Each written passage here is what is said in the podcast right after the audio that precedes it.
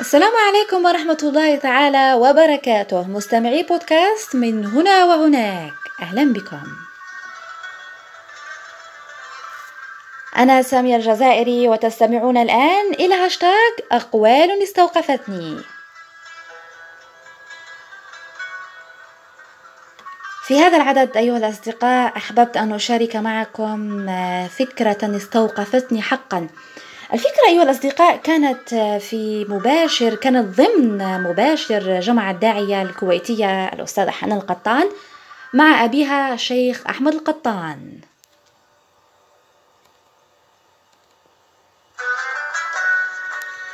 بصراحة أنا وصلت إن صح التعبير آه، على المباشر في دقائقه الأخيرة. ومحتوى الدقائق الأخيرة أو محتوى ما استمعت إليه في الأخير هو ما استوقفني حقا فأحببت مشاركته معكم.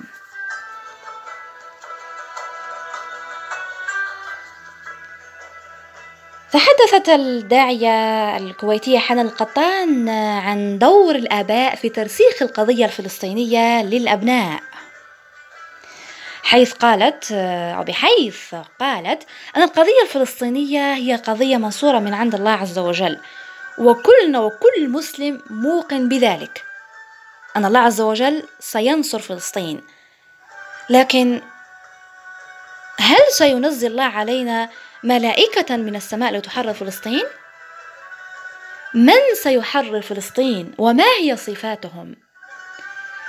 في موضوع التربية الآن وغرس في موضوع التربية وغرس القيم لدى الأبناء ماذا يعرف أبنائنا وأطفالنا في البيوت والمدارس عن القضية الفلسطينية؟ هل القضية الفلسطينية هي قضيتهم وغايتهم؟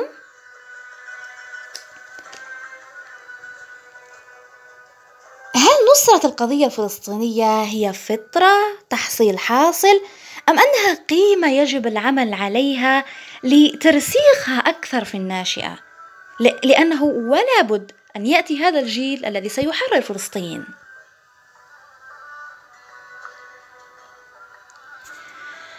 أعتقد أيها الأصدقاء آه، أننا كلنا جميعا آباء كان كنا أو أبناء آه، كوننا أفراد المجتمع كون القضية الفلسطينية قضيتنا جميعا نحن مطالبون بإحياء هذه القيمة قيمة نصرة القضية الفلسطينية قولا وفعلا.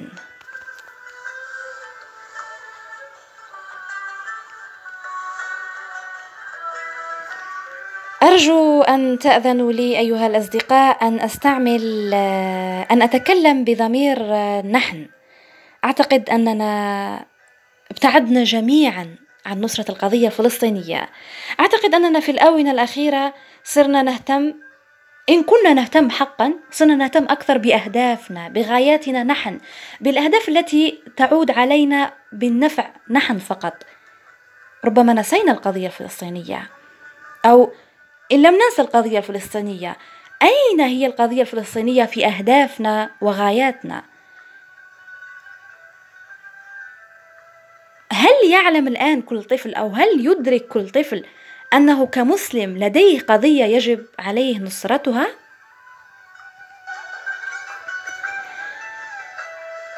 أيها الأصدقاء آه، كان هذا الموضوع الذي استوقفني حقا موضوع نصرة القضية الفلسطينية وترسيخ هذه القيمة للأجيال القادمة.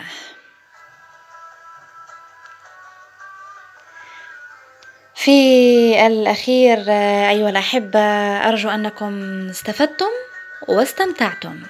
ألقاكم في هاشتاج آخر من أقوال استوقفتني. إلى اللقاء.